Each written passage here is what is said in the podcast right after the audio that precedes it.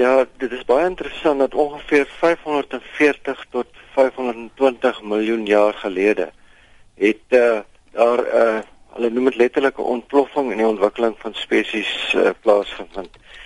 En dit was op 'n manier teen Darwin se uh, uh, uh, beginsel dat evolusie baie stadig plaasvind.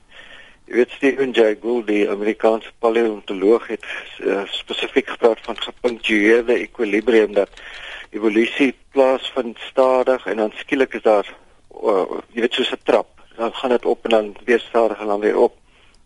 En nou die die, die wetenskaplikes van Australië het gaan probeer vasstel hoekom het daar so baie spesies skielik in daai tyd ontstaan.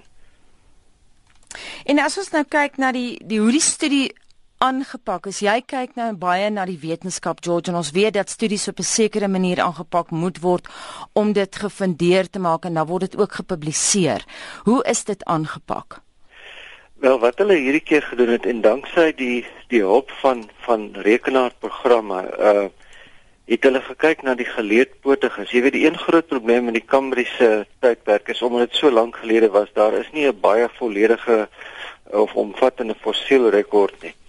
So jy kan sekere gedeeltes van wat in die fossiele vir jou vertel kan jy vasstel, maar dit is te onvolledig. En nou wat hulle gedoen het, hulle het na die geleedpotiges gekyk. Nou dis al die artropode, dit is al die insekte en die die krewe en krappe. Dit hulle Hierdie hierdie groep bestaan uit ongeveer 80% van alle lewe op aarde.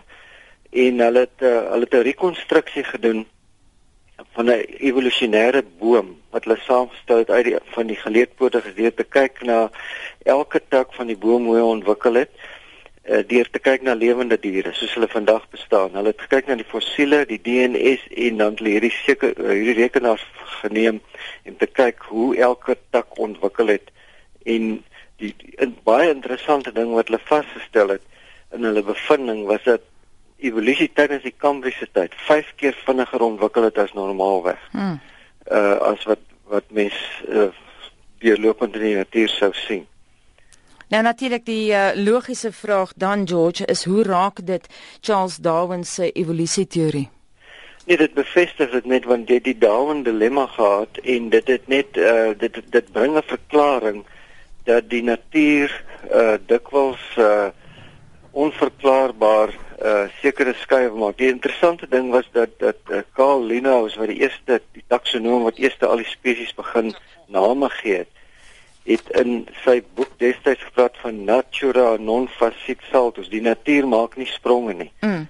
Maar in 'n groot mate maak die natuur op tydens die Kambriese tyd het hy 'n vorm van 'n sprong gemaak uh en dit was 'n baie interessante ontwikkeling dat uh in daai tyd, dan is die Kambriese tyd het die ontwikkeling van visie ontstaan, die sig van spesies dat hulle kan begin sien, dat hulle begin jag het, mekaar begin opvreet het, uh dat hulle begin grawe het, jy weet die molle en al die goed en dat hulle begin swem het. En dit is wat ons vandag as standaard aanvaar in spesies het in daai tyd ontwikkel as gevolg van hierdie vinnige ontwikkeling plaasvind.